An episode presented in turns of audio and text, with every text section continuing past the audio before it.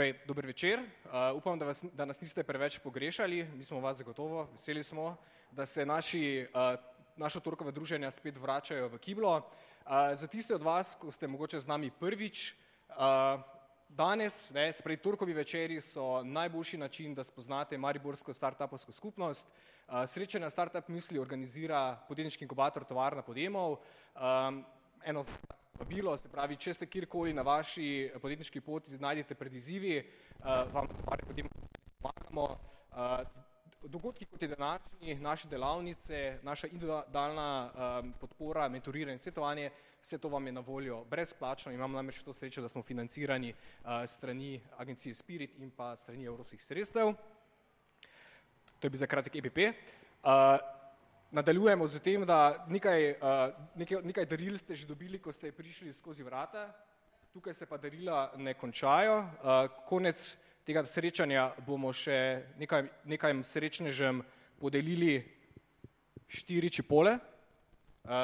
Če ne poznate, gre za Bluetooth napravice, ki vam pomagajo pri iskanju zgubljenih stvari, se pravi, ta, to napravico date na svoje ključe in nikoli več jih ne boste izgubili. Uh, gre za slovensko podjetje, na katerega smo tudi na tovarni podjemu ponosni, ker jim tudi aktivno pomagamo. Uh, tako da, se pravi, štiri srečneži bodo šli domov z uh, Čepolotom. Imamo pa tudi, se pravi, za tiste od vas, ki boste se upogumili in postavili kakšno vprašanje, jaz sem pripričan, da imate boljša vprašanja, kot jih imam jaz. Uh, na vse zadnje, ne, verjetno tudi sami se morda že kaj ukvarjate z umetno inteligenco, o čemer bo danes govora.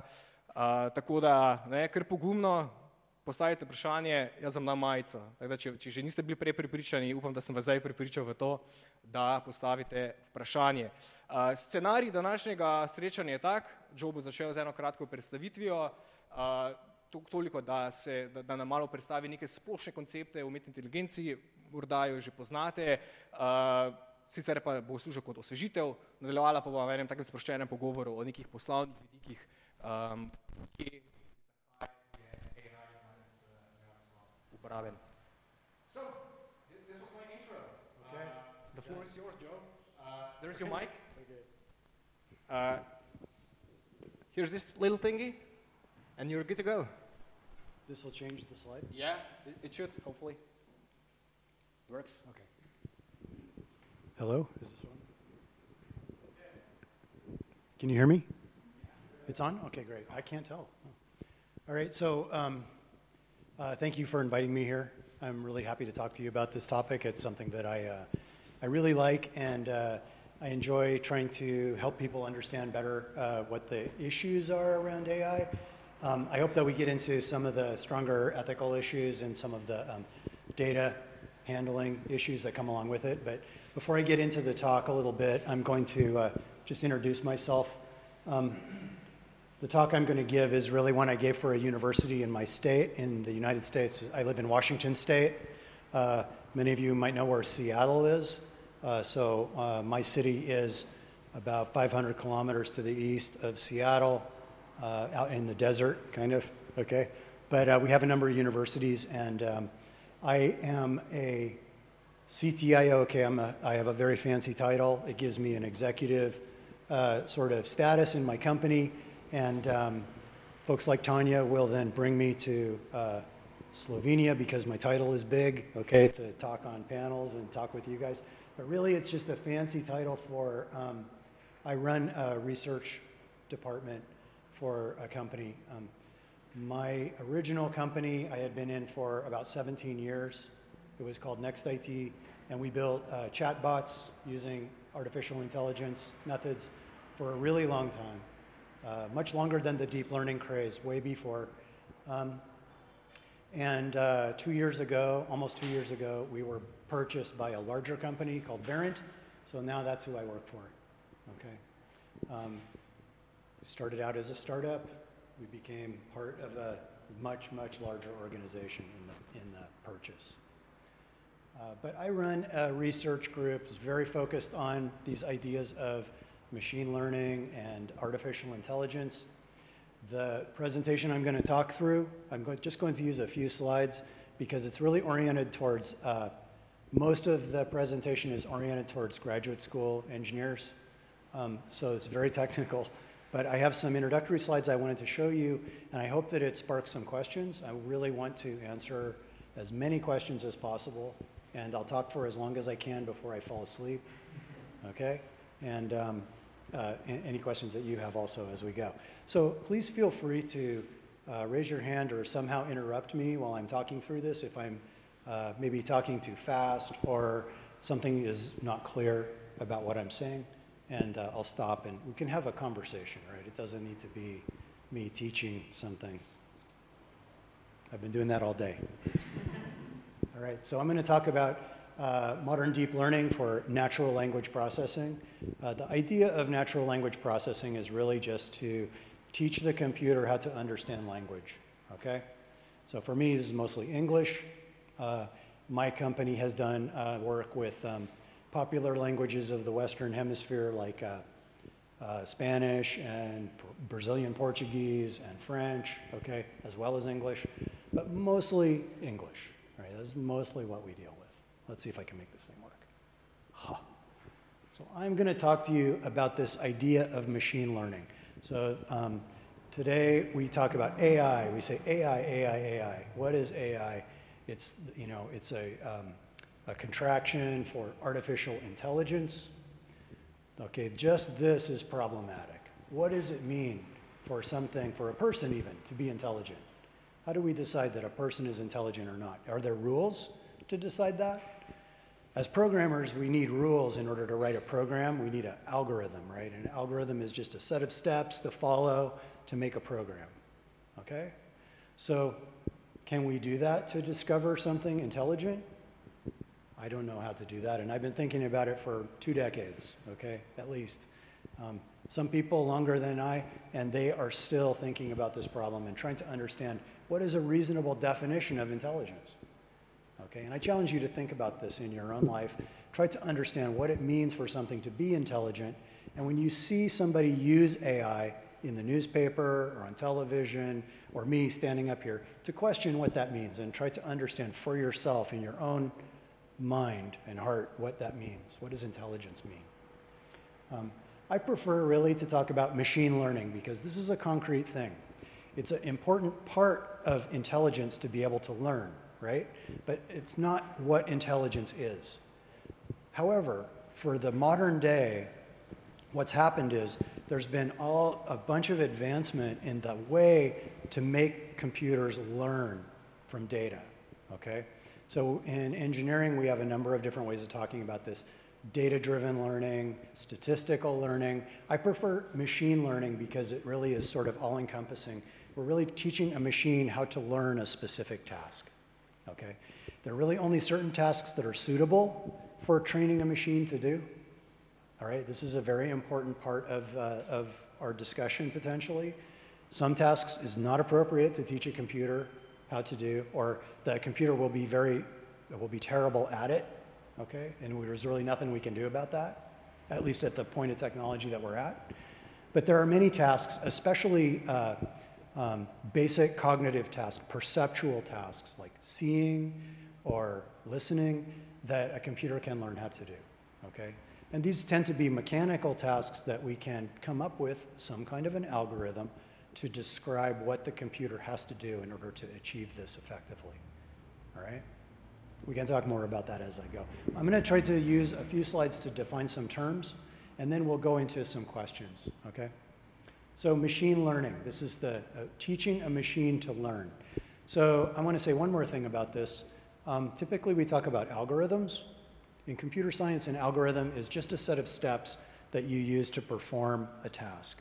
And the tasks, Uh, in order for a computer to learn an algorithm, the tasks have to be very, very well defined. So this is a, a common problem in early computer science when somebody's learning how to write a program is to be able to effectively define the steps. Most young computer science students, does, is anybody a computer scientist here?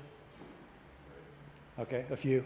So you'll recognize this, right? When you first learn to uh, uh, write an algorithm, the trick is is to find all the steps. Because typically the bugs come, the problems come, in when you skip steps. You skip some steps, things don't work. Or when you write almost the whole thing, but you miss the case where some value is zero.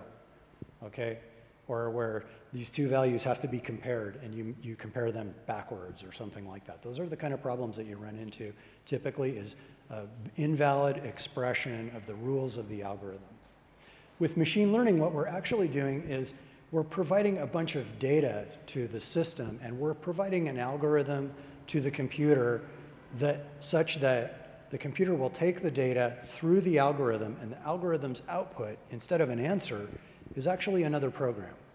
It will output another program that it learned, okay, an algorithm for in order to interpret the data. Okay, so this is a little confusing, but the idea is instead of writing a program that gets data and produces an answer, we're writing a program that takes data and produces a algorithm that can produce an answer. Okay? That's all that is about machine learning. It's just taking a step back, and instead of a programmer writing the algorithm, the system writes the, writes the algorithm using data. Okay? So data is a very important part of this. And so today I'm going to talk about machine learning, and I'm really going to focus on this idea of supervised learning, which I'll try to explain. So there's a few types of machine learning that are important to know. Um, and again, I'm just trying to define some terms here. If you have questions about what I'm saying, please stop me and ask. I can go back and try to build a better discussion around this. I would really like to have a conversation with you about these things. First, there's an idea of unsupervised learning. This is where we take a bunch of data where we don't really know much about it, but we do know that there's certain values. So um, the example that I have here is uh, from a very simple uh, example where we take um, maybe the torso length and the shoulder size of a number of people. So we have a person, we have the size of the distance of their shoulders and the distance of their torso, and what we want to do is come up with some clusters in order to make some t shirt sizes. We don't want to make a unique size of a shirt for every single person. Okay, those would fit better, but they would cost a lot of money and probably be more uh, time consuming to produce. Instead, what we'd like to do is make a set of sizes that fit most of the people in a certain size range, right?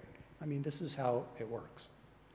So we can actually build a system where we measure, well, I said height and weight here, but the truth is, is that it could be any uh, measure, right? We want to pick some measures. Hopefully, they're reasonable measures for this. And then what we want to do is um, run an algorithm that learns the association of certain values. Then one of us could come up and get measured, and we would plug that data in and find out which cluster we sit in. Are we in the small, the medium, or the large category? Does it make sense what I'm saying? Yeah? Okay. And we can also select how, what the size of the clusters we want, how many different sizes of shirt we want to be able to produce in this case. So in the left, we have three sizes, small, medium, large. On the right, we have um, extra small, small, medium, large, and extra large. And we may choose to more. But the algorithms basically, we can say, I want five clusters. Here's the data, and it will do that. It would just generate the clusters and surround the data in those areas by the clusters. Of course, there's many, many techniques for doing this. I'm not going to talk about those, but um, this is the idea of unsupervised learning. I'm going to find classes of data just from the data itself. I don't previously know what a small is. I'm just going to invent it from the clustering algorithm. Okay? So then another important type, and really what this talk is about, and most AI of today is really about, is supervised learning. And with supervised learning, I have the same kind of data as the unsupervised learning, but think of it as already knowing the classes of data. Okay? So maybe I already know small, medium, and large, and I want to predict if somebody's small, medium, or large based on the data that I put in. It may sound kind of like a backwards example. A better example might be um, suppose I have uh, information about houses around, uh, around the city. Okay? So I have some information about houses, and I have information about what price those houses sold for. Maybe I know the square meter of the inside of a house. I know the square meter of the garden of the house. I know how many bedrooms are in the house, okay? Um, maybe the year that the house was, was built, um, and maybe some other things, okay? the quality of the neighborhood, so forth. All right, so I can write a, um, if I know the, the amount, the amount of money that the house was purchased for the last time it was sold, okay, or rented for, or something like this, I could build an algorithm that would, given some information about a house that I've not seen in the training, would predict how much that house might sell for. Okay? Does it make sense what I'm saying? Okay? The idea is to take a bunch of data about a bunch of houses where I have a label. In this case, the label is the amount of money that the, that the house sold for. And I use that label as a tool for training a predictor. And the predictor will then take that data and predict how much the house, uh, a new house will be uh, sold for that I haven't seen yet. Okay? In this case, it becomes very important to have the appropriate data because I can build a predictor that will always give me a prediction. The prediction just might be wrong, okay, but it will always give me an answer. So I need some way to evaluate if that answer is meaningful. And then I need to constantly monitor this to make sure that those values are correct, right? That they are meaningful, that they are producing some value for the customer of my application, okay? Or um, something that is ethically meaningful, you know, not uh, causing a problem for somebody. I'll talk more about that in a little bit. So there's two types, uh, I'll, I'll, get into that in a minute, but um, the idea of supervised learning is I start with data with a label that I know, and then I try to learn for new data to predict that label. In this case, the cost of a house. Okay? We'll talk more about that in just a minute. The last type of learning that is important to know is reinforcement learning. In reinforcement learning, we learn a policy, some ac action that the computer should perform. Um, and this is, applies uh, if you think about um, AIs that play games. So they play, a, you build an AI that plays video games. This is how they're built. They're built in order to uh, follow a policy, in other words, a set of rules, uh, one after the other. Another good application of this is in uh, uh, driving cars that drive themselves or trucks that drive themselves. The idea here is we're going to have an algorithm, okay, that um, it, at any moment it predicts if the car should slow down or speed up or stop, turn, change lanes, okay? And there are many, many activities that go into the policy for a driving car, many more than for a game, okay? But it's really the same type of problem. The idea in reinforcement learning is to learn a policy.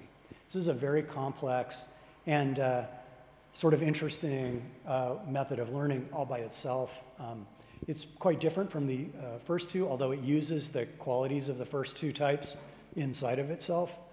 Um, and it's also much harder to do correctly. Uh, the science of this last type of learning is not well understood at this point. Okay, uh, so I hope that makes sense, that there's some kind of intuition for the different types of learning. Okay, does anybody have any questions so far? All right, okay, so this is all AI really in the machine learning focus. Okay, modern AI is really along these lines. So let's talk a little bit about the types of supervised learning. There's really two main types.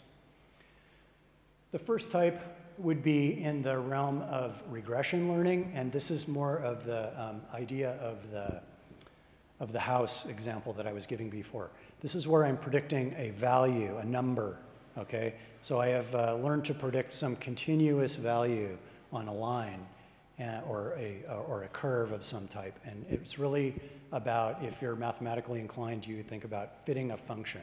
So you have a function that describes some shape, and what you want to do is predict that function, and then look for points that are outside of the realm of the data that you've already looked at and try to predict a value for it. Okay? So the example here is sales based on whether I advertise on TV.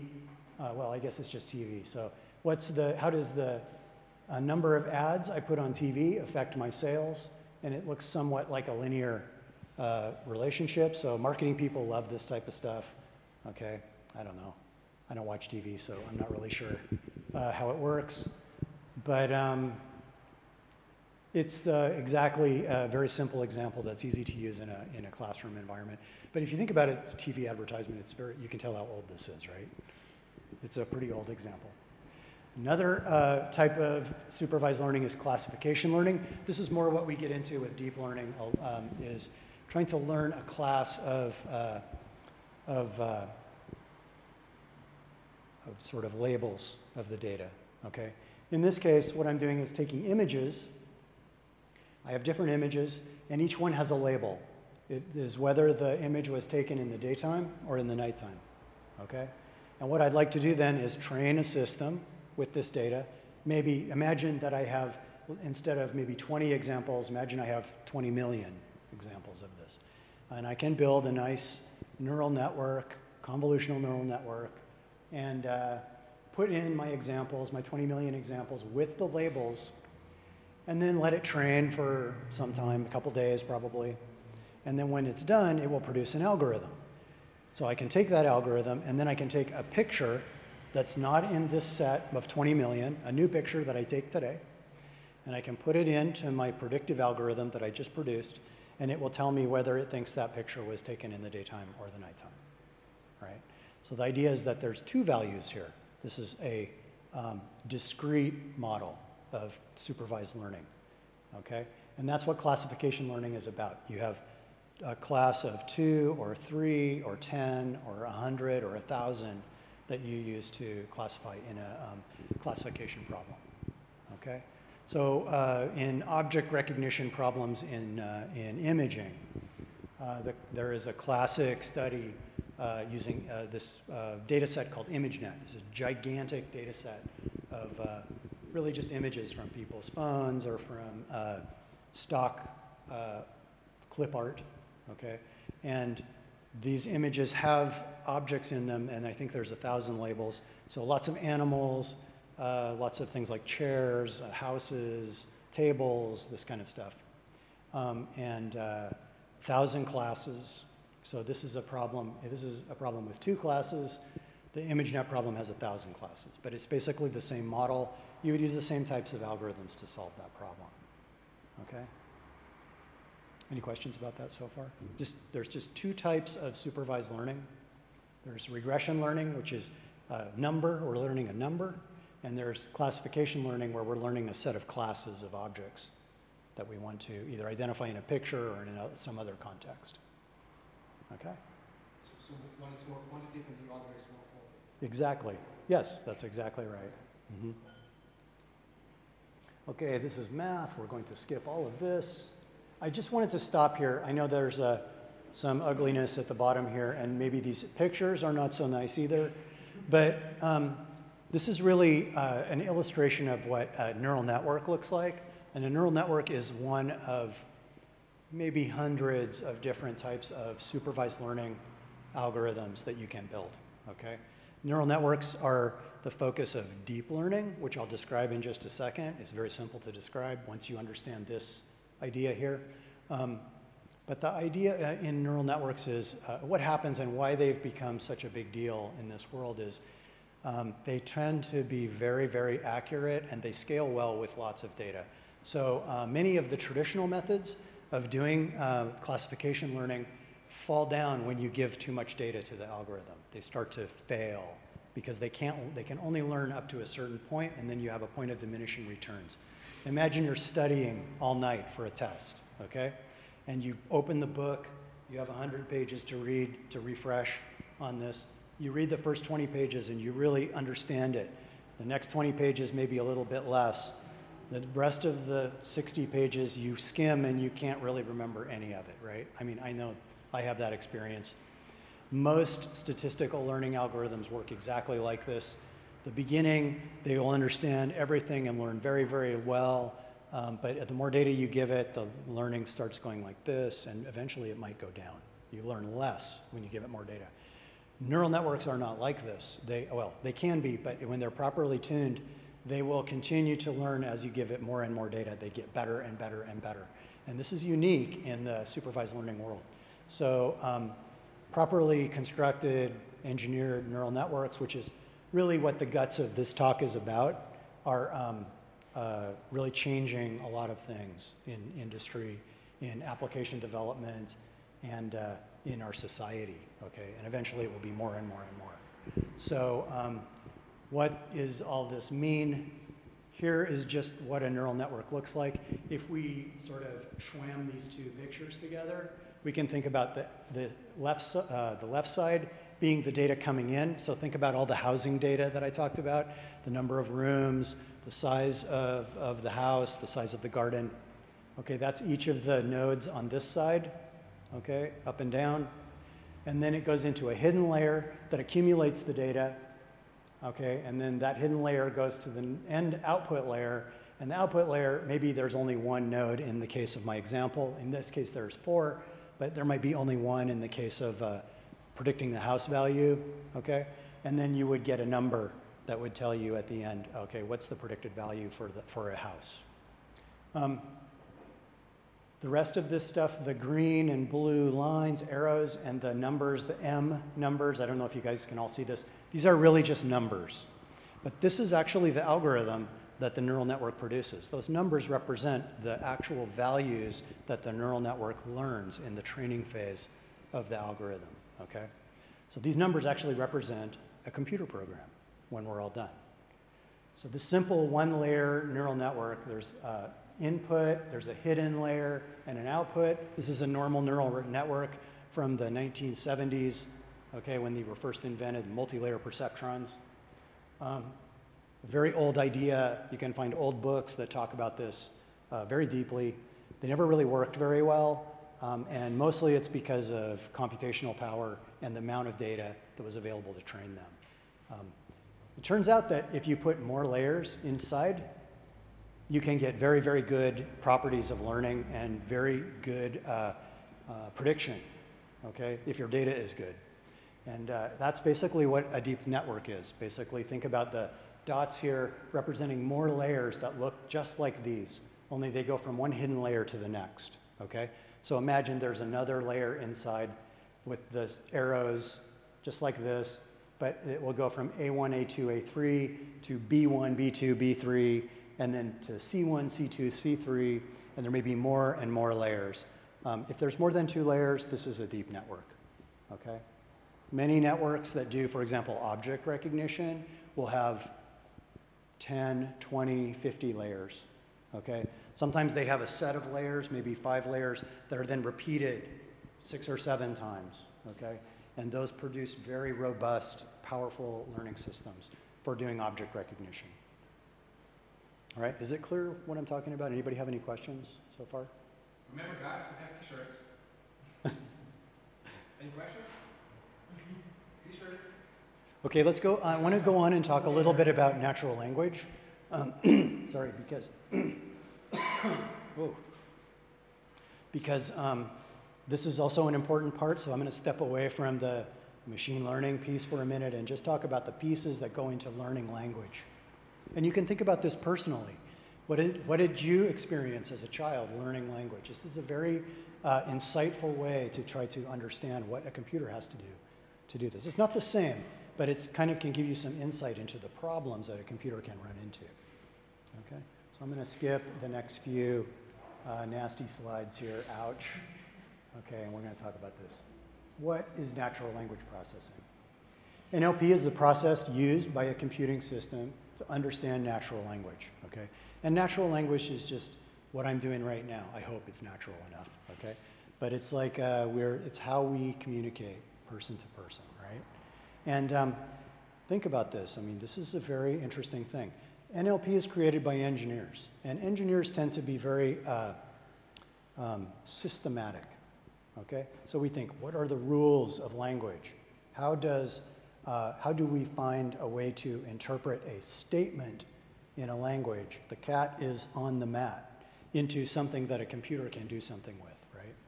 Well, the fact is, is that language is full of things that are not statements. Thank you very much.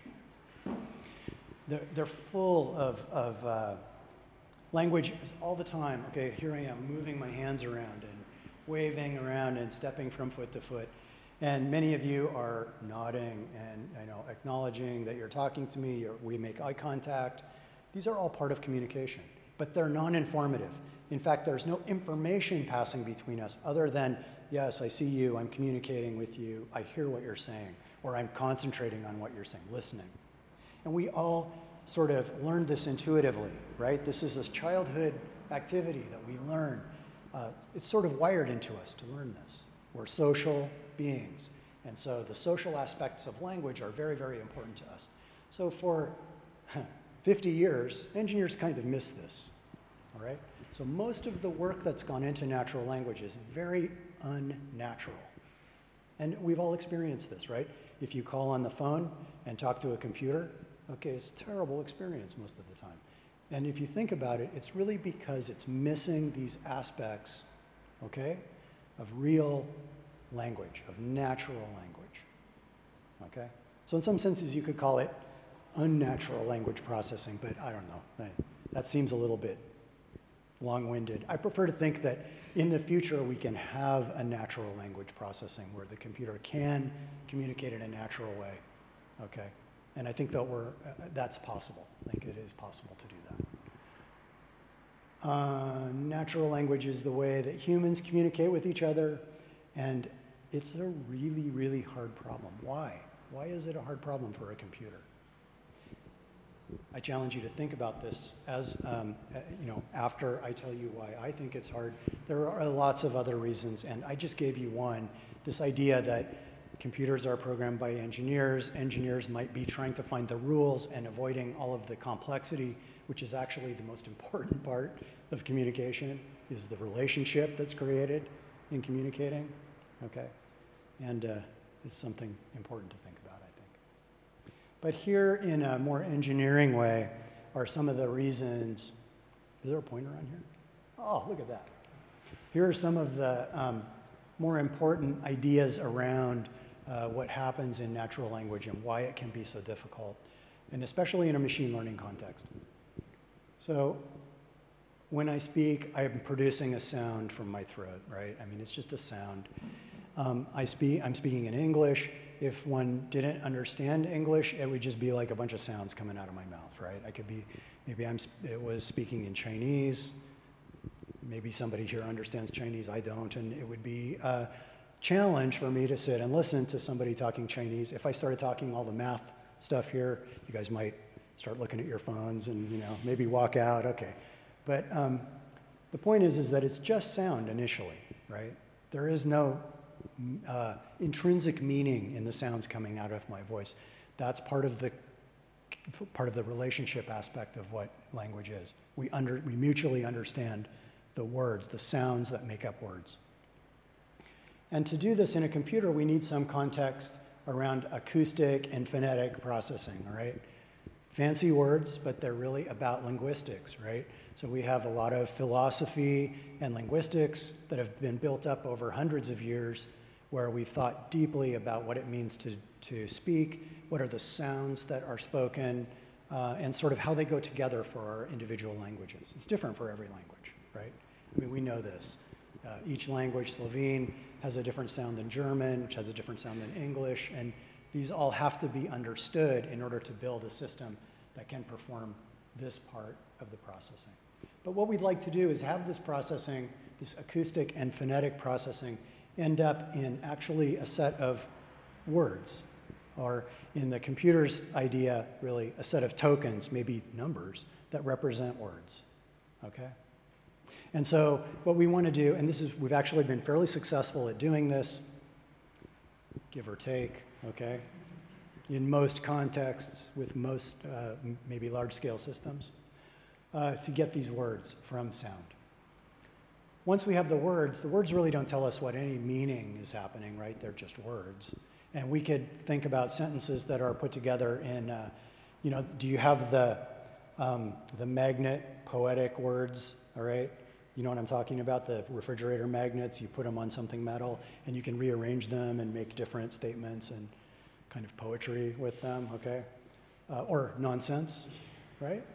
Um, the words don't have, oops, the words don't have any meaning. They're just a symbol, right? We use it to convey meaning, but usually the meaning requires us to put words together in a certain order or in a certain context, right? Everybody follow what I'm talking about, right? Okay. How many people here write for a living? Right? Yeah.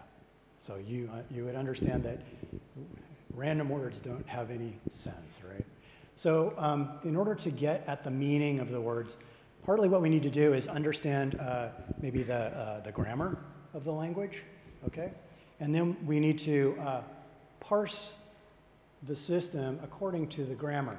And uh, what we get when we're done is sort of a tree, a hierarchy of uh, maybe a sentence or a paragraph that describes the hierarchy of the um, different tokens, the different words in that, in that paragraph, which are the phrases that represent some object, a noun, which are the phrases that represent some action on those objects, which is the verb phrase.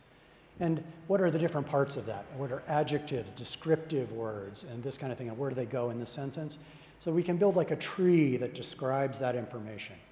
And I think about it because I'm a programmer for the last 40 years. I think about it as a little program. So each sentence is, in some sense, a little program. It's a tree that describes something, okay? But even here, we don't have any meaning, right? We just sort of have a description of the qualities, the sort of um, uh, syntactic qualities, okay, of the sentence, right? Maybe we start to get at sort of the beauty of the writing here, right? There's some kind of artistic sense in which we can uh, derive from this. And there might be a future with that, with the computer maybe understanding some of the art of writing in this context.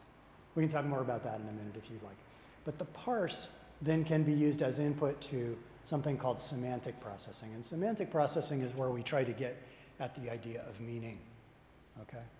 Now, this is very problematic because I don't think that, as with intelligence, I don't think that we can sit down and say, in any kind of uh, sort of philosophical certainty, what meaning means. Okay? What is meaning? Okay, this is a question that's very, very difficult to get a grasp on. And I don't know. In English, it's terrible. I don't know. Maybe in Slovene, there's better ways to say what does meaning mean. But um, yeah, it's a, it's a terrible thing to talk about. Engineers hate this kind? They don't want to talk about the philosophy. They want to talk about the parse, because that's doable. We can do that.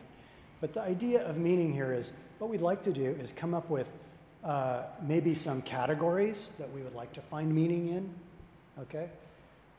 we have sentences about uh, restaurant ordering, and we have sentences about laws in the parliament, and we have uh, sentences about the, the descriptions. I was reading some of the descriptions of the art that's uh, on display here and in the past and in the future.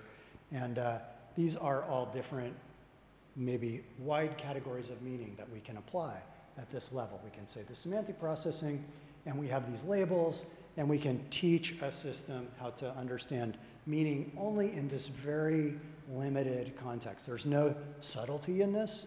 It's very, the computer is very concrete about what it learns, but we can sort of approach this idea of meaning. Does this make sense, what I'm saying? Anybody have any questions about this? I mean, it starts getting very interesting here, I think, because uh, a lot of the applications that we use are really in this phase. We want to do this. Uh, so somebody calls up and says, I'd like to order a pizza with uh, pepperoni and some cheese and some tomatoes. And the computer says back, Would you like that a large one or a personal pizza or a medium? Or maybe it says, How many people will be eating this pizza? And decides the size by itself, right? Uh, okay, so these are interesting ways of interpreting the context of the question, right?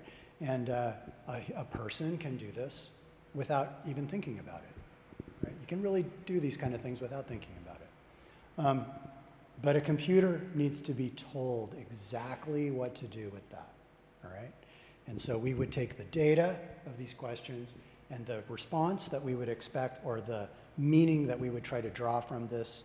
We might give meaning to each of those sentences that the computer can say, and then uh, train the system to recognize that meaning in sentences and in sentences that we haven't seen yet right? Try to incorporate more language than what we have seen, okay? And then it becomes quite good at this. Um, uh, I'll give the example of uh, Google Translate, right? So over the years, translation, computer translation has been horrible, right? Terrible. But in the last, I don't know if any of you have noticed, I use it quite frequently.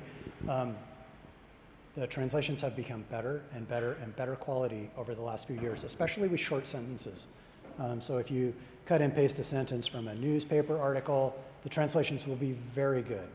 Okay? If you translate, if you try to translate too many sentences, it will be bad again. But that's really an evolution of the algorithm. It's just not smart enough to take into account all of the context that you're giving it because you'll have too many meanings in a large piece of text. With shorter text, you have one, maybe two meanings that the system can be trained to handle. Does that make sense? All right? So this is a problematic way to learn. It's not how humans learn. Humans learn in a much more open-ended context, and we use this idea. Okay, this is sort of my own interpretation of learning, human learning, but I believe, I think that it's um, relatively uncontroversial that we're using this idea of relationship as children to base our learning. Okay? So children establish relationship, and then they use that relationship to, um, to verify as they learn, you know? And to ask, uh, to um, either implicitly or explicitly ask for information about what they're doing. If a three year old came up and looked at my water, I might say, That's a glass of water, you know, or, or a, young, a, ch- a young child, right? And that's information for them to then take into their brain and use.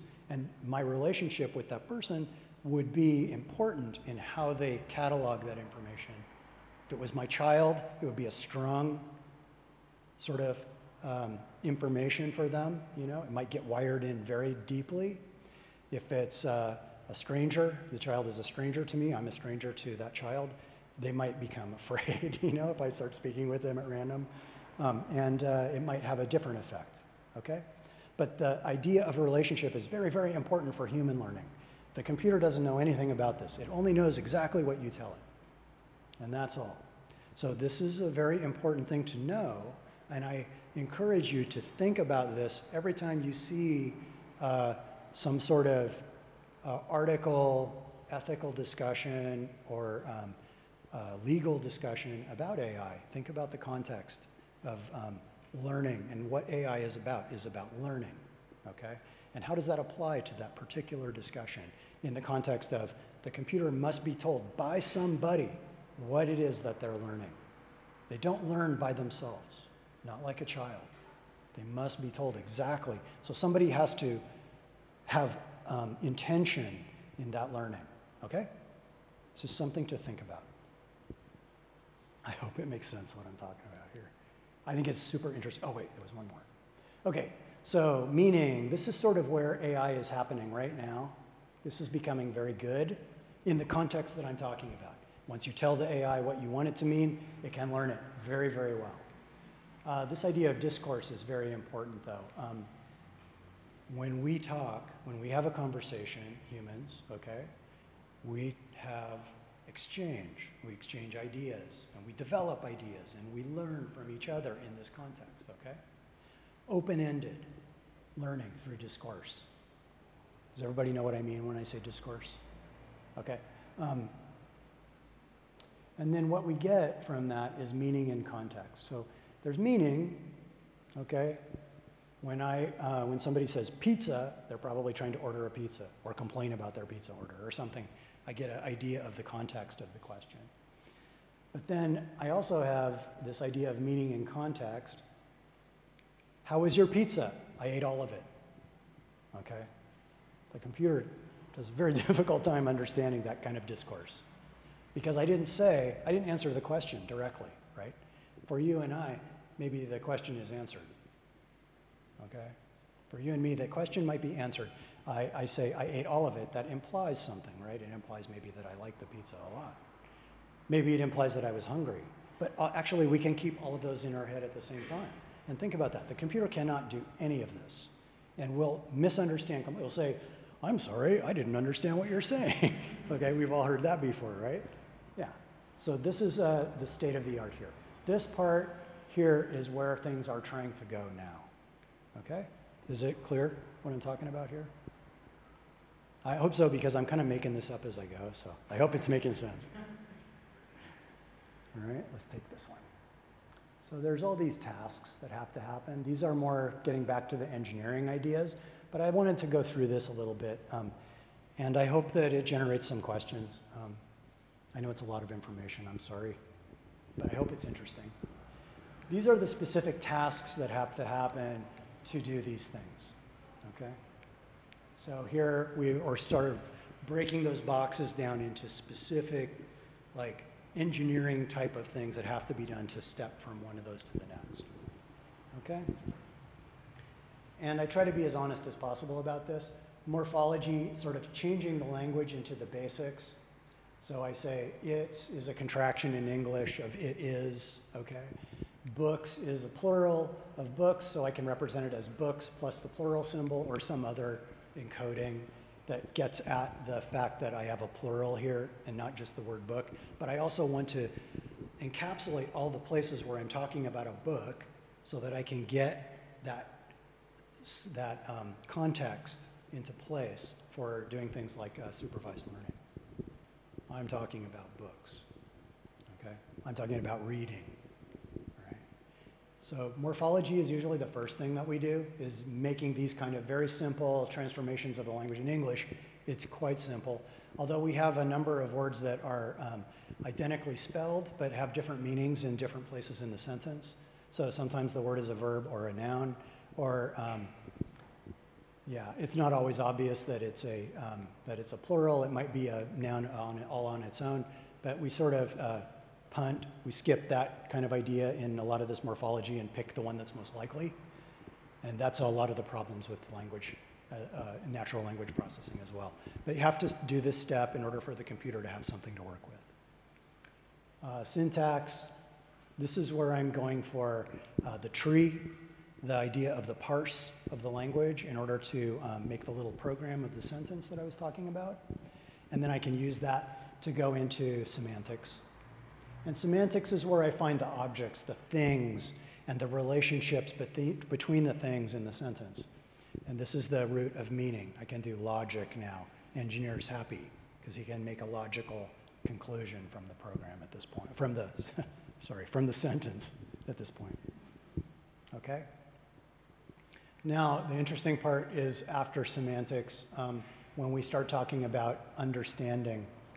So, back here, I mentioned semantic processing and meaning, and that meaning in the computer, it means what I told it to me, what I told it that sentence means. Um, and uh, in real life, uh, meaning is what we derive. We learn as we go and derive meaning as we go. Um, sometimes very quickly if we have a lot of experience in an area, sometimes with a lot of tension and uh, uh, work, right? It's effort. And then here we start talking about this, and I see these words thrown around all the time with engineers. Um, morphology, syntax, and semantics, okay, we know how to do those. Those are rule based. We can build rules around them and understand how to break language out in these ways. Easy to document the objects in a sentence, the relations, and the actions of the sentence. But when we start talking about what is a person actually saying in the sentence, what is, how do I understand that? This is very problematic, and each individual person will potentially have a different idea of what a given sentence has. And this is easy to see if you think about poetry, okay? So if you sit down with a friend and you read a poem and you then discuss it, the chances are that the two of you do not have the same idea of what the poem is talking about, right? I mean, everybody had this experience before, right? And uh, it could be the same with a newspaper article. You both read it and you see different points of view. You know, maybe it makes one person angry, another person happy. Okay? And this is the same information. It's not different, right? But the understanding is very different and not, uh, it's sort of um, in some way continuous, right? There is a flow of understanding. And understanding can change over time, right? But um, with the computer, it only is what we tell it it is. It's a very concrete, limited view of understanding.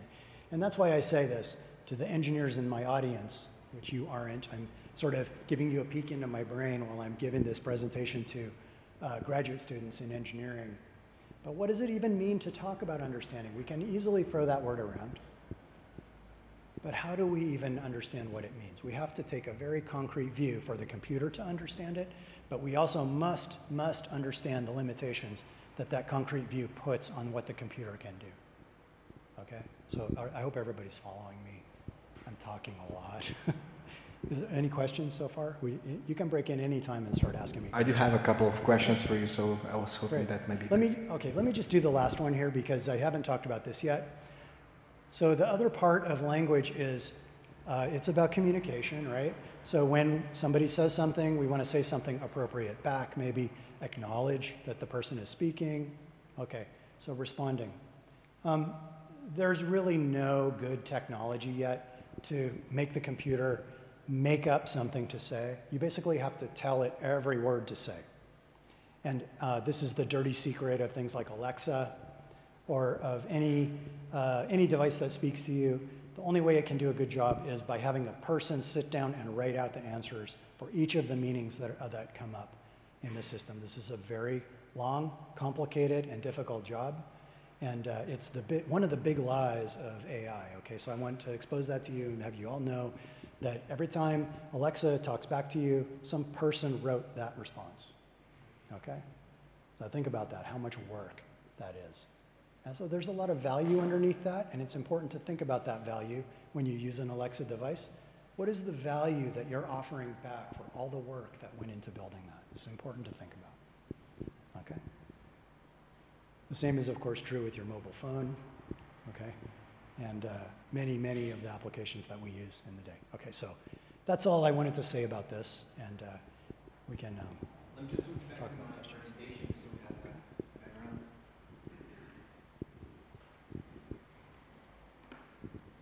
Oh, here. Guess you want that.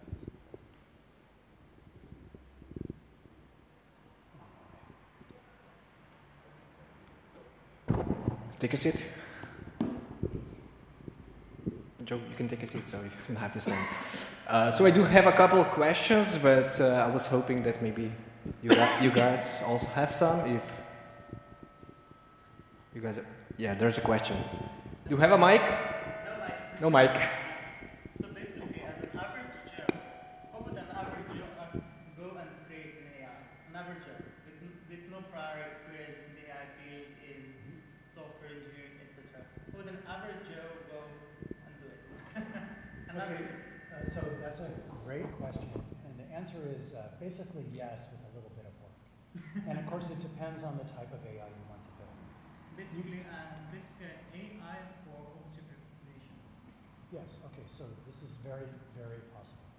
Um, there are a number of tools that can help you do this, actually. Um, so you can go to the Microsoft Azure machine learning site, and for a few pennies, maybe a few dollars, okay, you can uh, use their tools to do a visual building of the system to do this. Um, the nice thing about object recognition, hello, is this still on?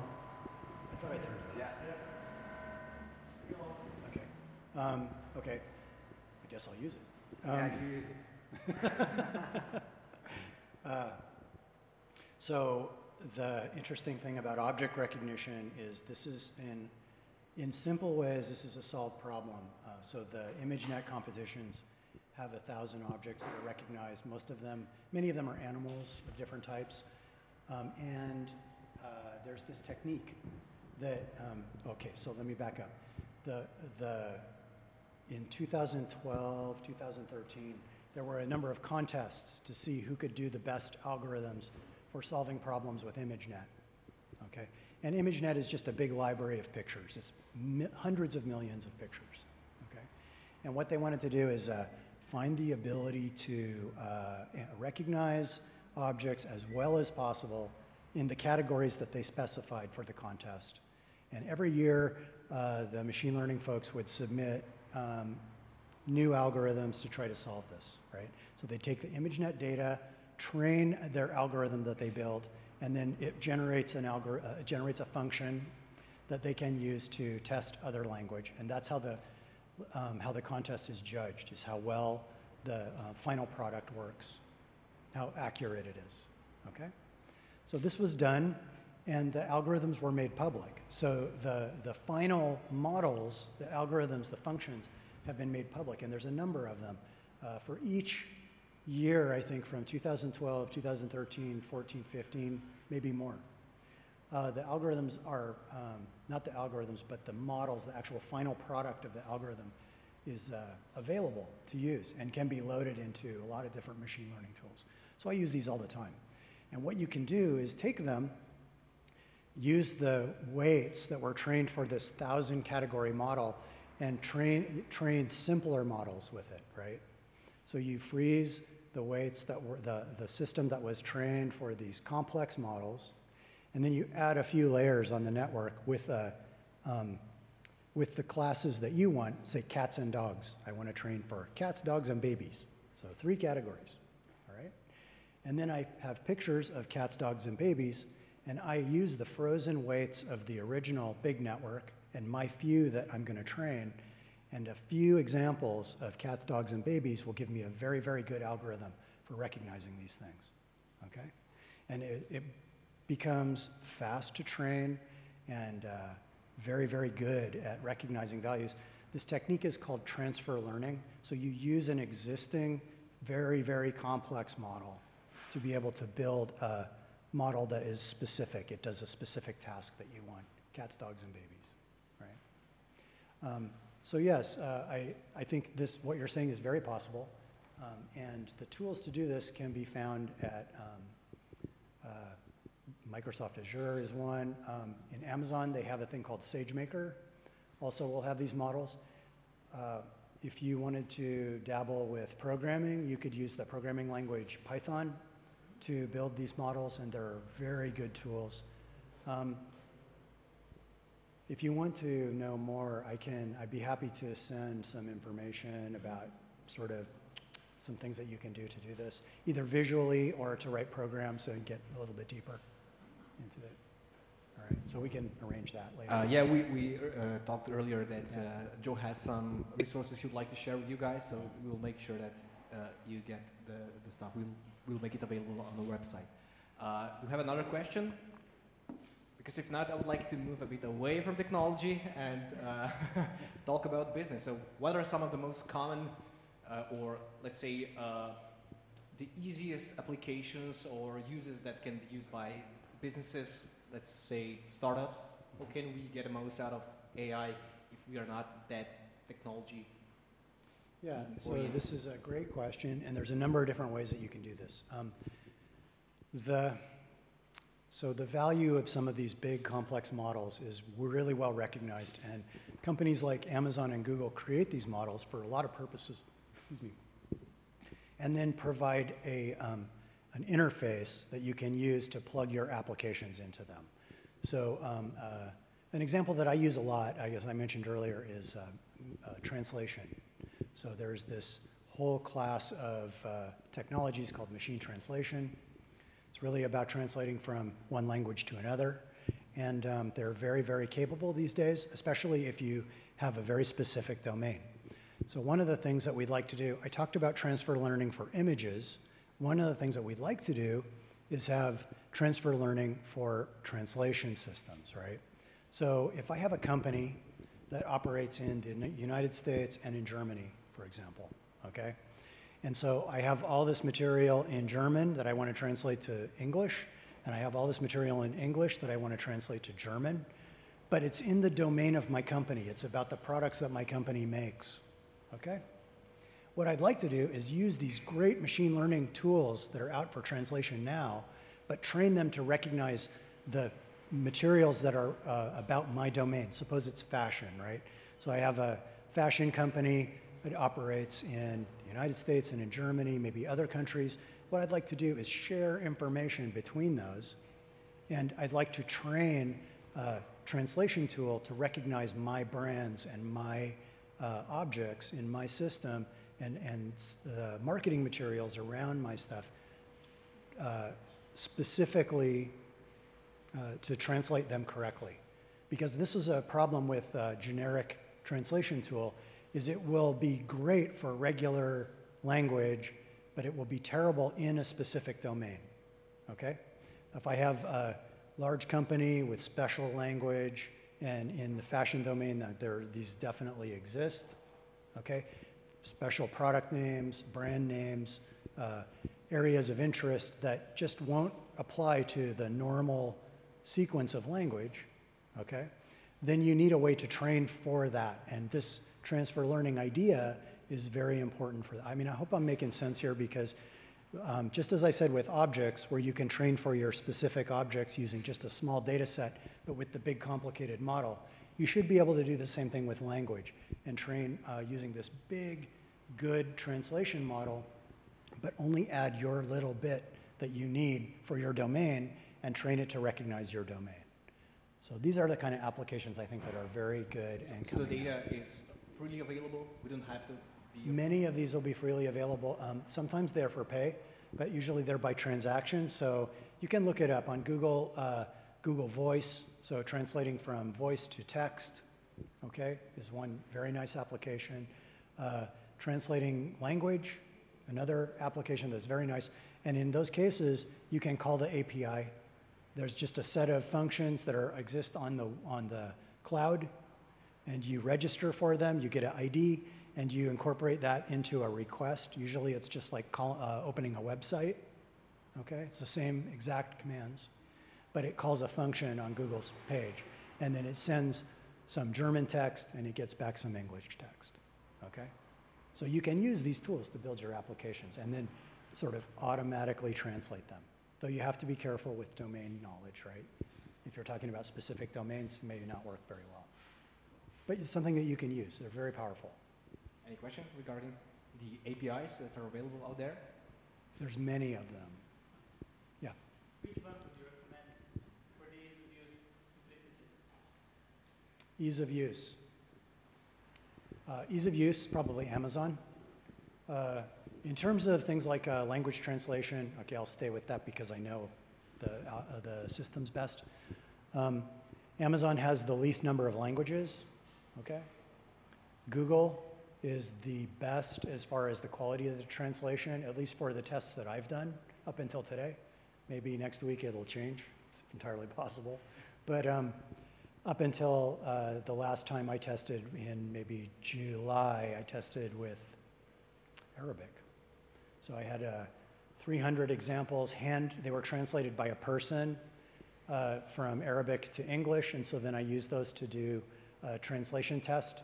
I went through Google Translation API and I sent each sentence, got the translation, put it into a spreadsheet, and I did the same with Amazon, the same with Microsoft, and with uh, another application called SDL. Um, and then those four, I made four spreadsheets. I passed them to the experts, and they decide which ones are the best translations. Google is still the best for almost every language. Okay? And it's mostly because they have the most data and the most engineers working on this problem. I mean, I can, I can say that that's totally true because, you know, in Slovenian translation, it's been awful a couple of years ago. It was more or less useless. You know, it was really obvious if the translator was say, selling you the Google Translate stuff, but now it's not that obvious anymore. So you have to be, you don't notice, you know, the uh, Right. that it's machine uh, translation right away because it's that good. So this is exactly an example of transfer learning. What Google has learned to do is take languages that are close to Slovene. Okay, I'm sure there are some. Um, and uh, what they've done is taken off the end of the network that says that puts outputs words. Okay, and they've entered in on the other side uh, examples in Slovene and trained it, retrained the network using all of the the weights, the original functions from the big network of whatever language, I don't know which ones. But, um, and then it has allowed the system to settle on uh, understanding of Slovene, even though they might not have as many resources for a Slovene translation as for some of the other likely languages, which, I don't know, what is a language that's close to Slovene? Croatian, Serbian. Yeah, and it's and it's something Also low resource languages though, right? Not so many speakers? Or many speakers?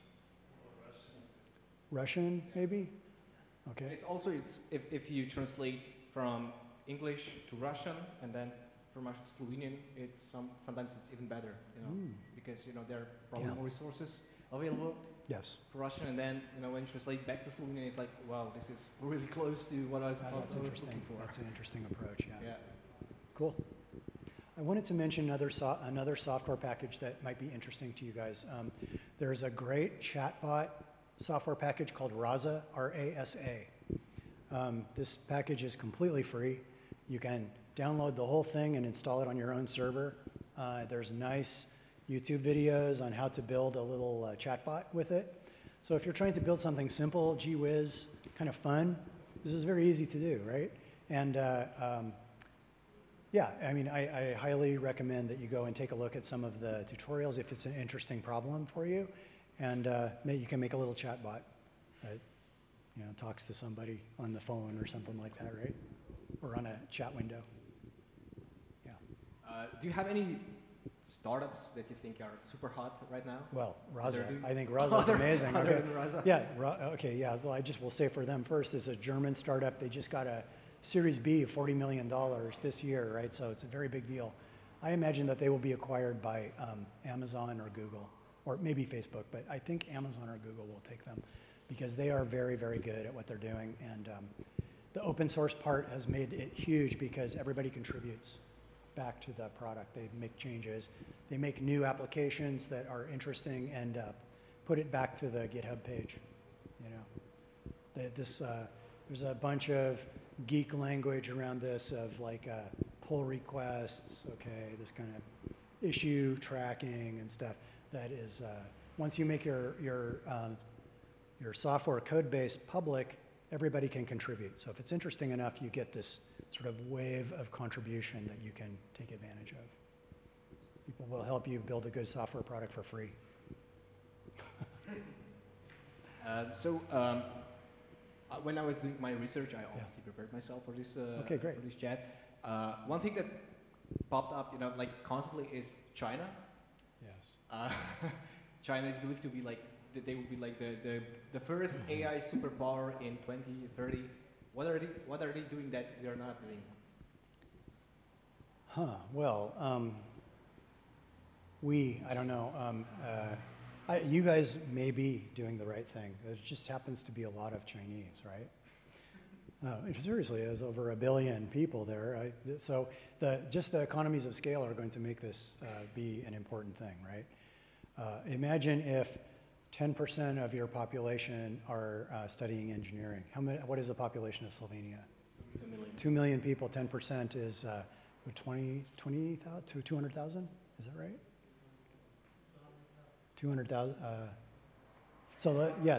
I'm not good with math. So. Yeah, 200,000 people, right? Sounds good to me. So that's a lot. That's a big number, 10%. But 10% of China, okay, it's uh, 1.3 million people, a billion, billion people. So it's uh, order, uh, it's three orders of magnitude more people, right? That's a lot of people. 10%. Okay, imagine it's 1%. That's probably more likely.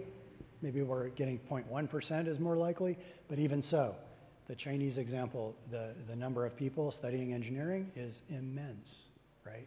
Even with a small percentage of the population. Um, yeah, but so, it's not just that, they also have like government strategy that would like yes. to. Well, okay, and uh, this is also true, um, but the fact is, is that Slovenia or the United States could apply a government strategy to this. They still will not be able to capture the potential quality of some of the um, the methods. Okay?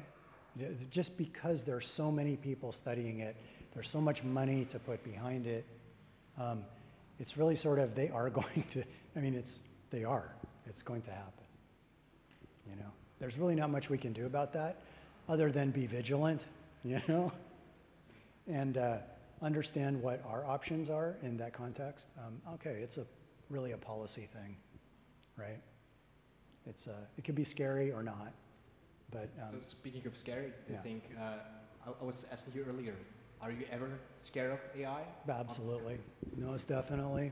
But mostly I'm scared of how people understand and use it in the context, in, in the ways that I've been talking about? So it's important to understand the limitations of what can happen, what AI can do, what it means for an AI to learn, and what it means for an AI to understand something.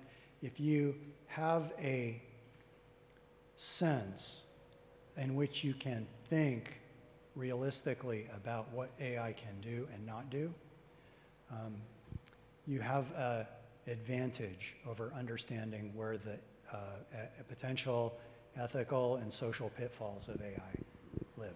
Okay? So, with the image processing, I won't talk much about this because it's a total another two hour discussion, but there's uh, very uh, mathematically precise and programmable ways to hack, okay, an image recognition system. So I can make a carefully crafted uh, filter to put over an image, and it can turn uh, one animal into another animal for the purposes of the AI, even though when I look at the two images, they look completely identical. The AI will see two different things. Okay? So this tells you right away that the AI that learned how to recognize objects sees those objects very, very differently from you and from you and me, right? We see those objects a particular way that we sort of share in some context, right? We can say, yes, that's a picture of a dog, that's a picture of a cat, that's a picture of a baby. But I can subtly change those pictures in a way that I still recognize that picture as a baby, but now the AI sees it as a dog or a house or a shark, okay? Now imagine this is kind of funny the way we can think about this, right? But then there's also, and, and this is a thing that can happen today. It happens today, and companies like Google and Amazon are thinking deeply about this problem. It's not very widely publicized because it's difficult to understand, okay? But mathematically, I can show you the paper. You can write a program that will do this every time. Okay, I wish I'm preparing a talk right now for later in September to talk about this issue. Um, and I wish I'd had time to finish it before I came here because it's a very interesting talk with a lot of visuals that are kind of fun to look at. Um, there's um, uh, some interesting things that can happen here, but the main thing to come out of this is that the network sees in ways that uh, we don't.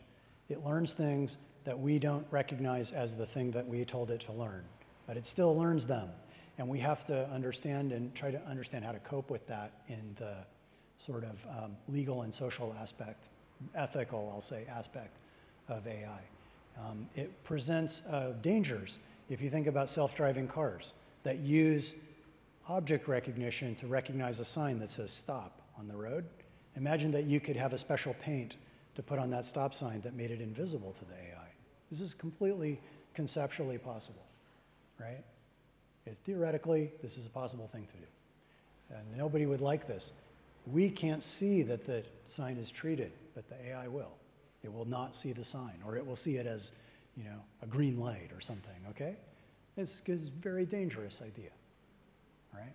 So yes, I feel scared sometimes about this. This is some sort of cyber terrorism that is. Potentially, right? I mean, I'm, I'm phrasing it that way. It could be more um, mundane. Maybe it's a funny hack, you know, to fool some AI to uh, cause a problem somewhere, right? But yeah can be some kind of anarchist activity that's maybe a joke, okay? Okay, so our time is almost up, so this is a, your final chance to ask a question. Right, yeah. You're Why getting not? three t-shirts. Why not?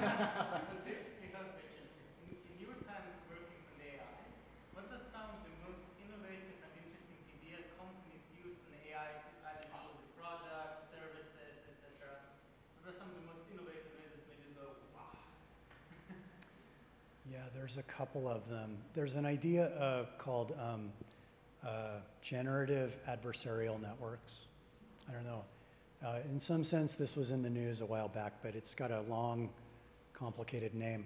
Um, this is a very interesting idea um, that I find very fascinating, and it has a lot of potential, I think, um, in the world of, uh, for example, art. Okay, um, if you think about being a person who's training a network and you want to create some kind of a media pre- presentation that is in uh, sort of in conjunction with a computer. This is an interesting idea to work with. But the idea of a GAN is um, GAN, call them a GAN usually, okay? So the idea of this GAN is to present a classifier, a, a learning system with uh, real objects of some type, maybe pictures of people, and then of made up objects, maybe they start out as random objects coming in, and then build a classifier that learns how to tell the difference between real and fake pictures of people. Okay? So from one side of the network, it gets fake, from the other side, it gets real, and then it trains a, a classifier with two values real or fake. So it runs this and trains with lots and lots of examples. Then what happens is when it's trained, you can disassemble the network and take the fake part out, and you can use it to generate fake pictures of whatever it was trained to generate fake pictures of, right? So it learned how to generate fake pictures to try to fool the classifier. Okay? It's a fascinating idea, right? So now you can generate pictures that have some modality, okay, that is interesting. Now, they're not very good. Like you and I could always tell that these are fake. But if you think about creating art, um, this is a very interesting idea. You're feeding in pictures on one side. This is sort of a media, uh, the media becomes the computer itself, right? You feed in some pictures on one side, these are the real pictures. You feed in random data on the other side, these are the fake pictures. And then you have a classifier that does this. These are, well, so the training of these is very well understood. You can find examples online about how to build one of these things. And then you just feed the images and train it. The images are tend to be free online. You can go find them. And uh, well, it's something that's easy to mess around with in an artistic context. It takes a little bit of understanding of how the network works, but I find this to be completely fascinating. And this idea of the composable network is very strong. So I work a lot with this idea where you can take pieces of one network and pieces of another network, try to assemble them and learn something new. Okay? And I don't know, maybe this is the future to really approaching a sort of human type of learning in the computer. I think this is really a hundred year problem.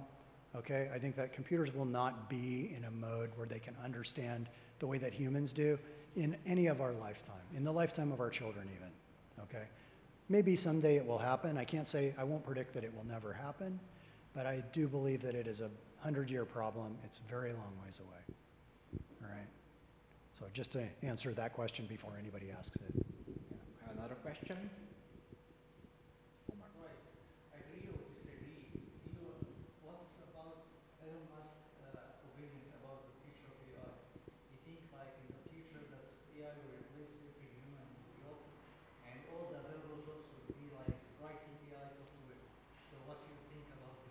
I completely disagree. Um, well, so um, if we think back to the time of the introduction of the automobile, right?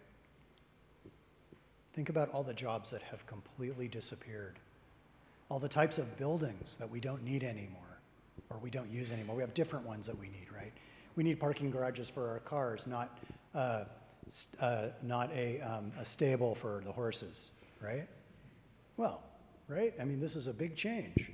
And the jobs that changed for that, the manufacturing jobs of manufacturing maybe a saddle or a harness, okay, these jobs don't hardly exist anymore.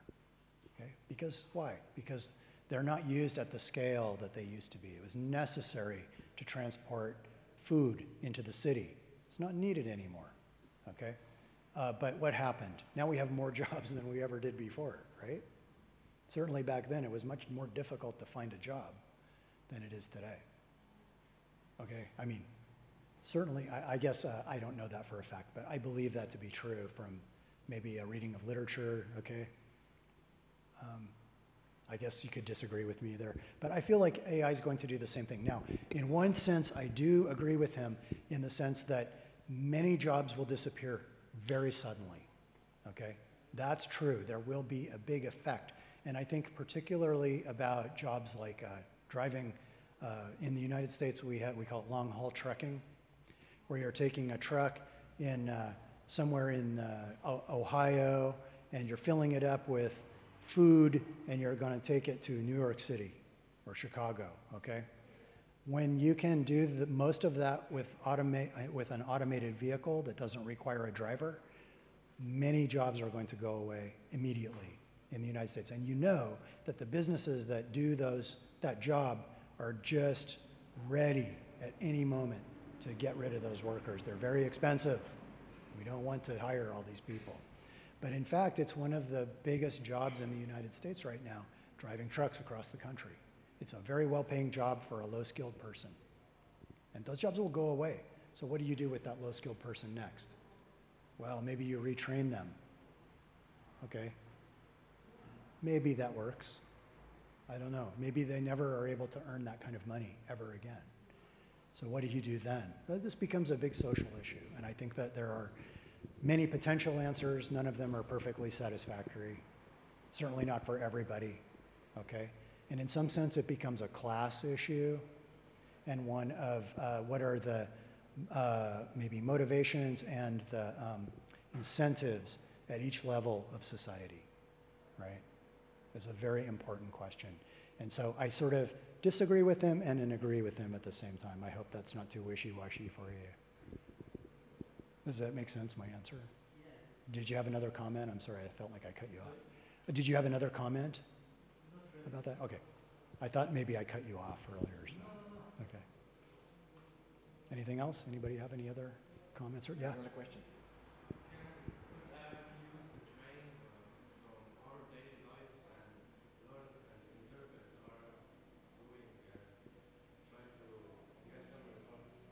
Okay, this is a great question. Um, I think this is a very, very good question. It depends what question you ask for the AI. So, in order to train an AI, you first have to start with some question to answer. Okay? So, you have to want to solve a particular problem first, and then collect data that relates to that problem. But I will give you an example that I think is uh, touching on what you're, what you're talking about. So, maybe, and maybe I said this earlier.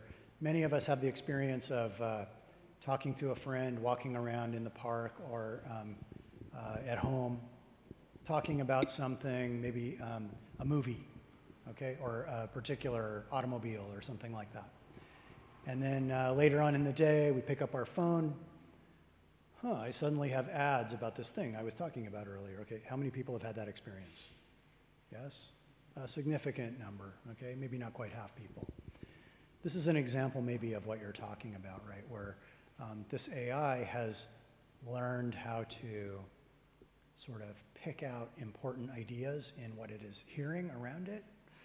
Why is it hearing? Okay, that's another question, all right?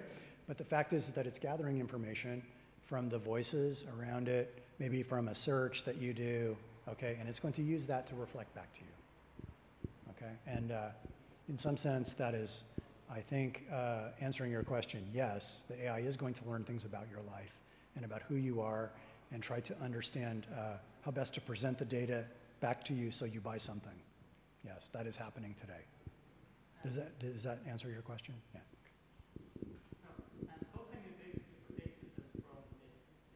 Yeah, don't have a phone. Yeah, do not carry your phone around. Leave it off. Well, I, I don't know if that works. Maybe put it in a box? right? I mean, in all seriousness, right? The phone is collecting information about you as you carry it around. It knows where you are, may listen to what you're saying. Certainly, when you're talking on the phone, the carrier has all of that information, right? Because your voice has to go to the carrier. Why would they throw that away? They store it in a database. For sure they do. There's no reason for them to throw that data away. Okay? Except GDPR, potentially, right? And in that case, they just have a special way to store it so that you can tell them to get rid of it and they say, oh, we got rid of it. Okay. Okay, so I think it's time for us to wrap this up. Okay, Uh, I hope it was interesting. Joe, this was Thank very you. insightful. Thank you for your time. Yeah. Uh, but before we are completely done, uh, we have still some more lucky people who will go home with a Chipolo, like I said earlier. Uh, so, will you do the honors? Sure. Yeah, what, what should I Uh, do? You should, you should read the names. Just Okay. have to choose four. We have four Chipolos. So first of all, we'll hand out this Chipolo Classic ones. This one. Not sure what.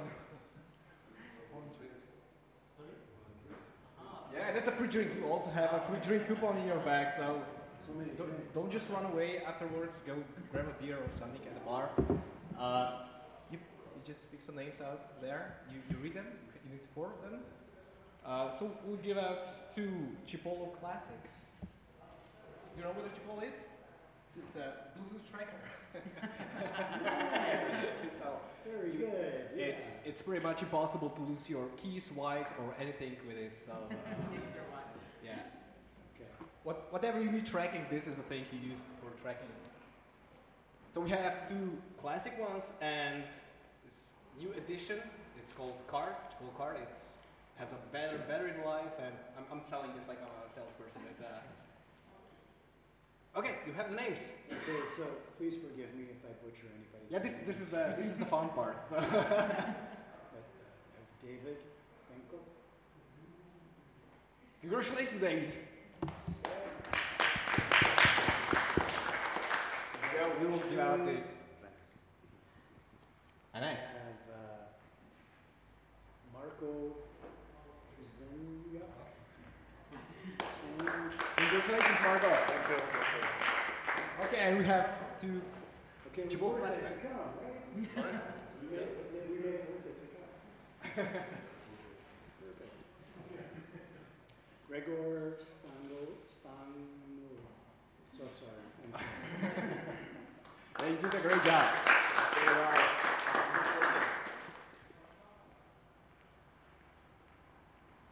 one more. Nastya Fekonia. Yeah, Nastya. Congrats. Okay. Okay, so now we are. That's that's. We don't have any chipos left. Sorry. Oh. so again, thanks guys. Uh, as I said earlier, you have your drink coupons in your bags. So let's meet at the bar. Don't run away right away. And thanks again. John, This was awesome. Thank you for having me.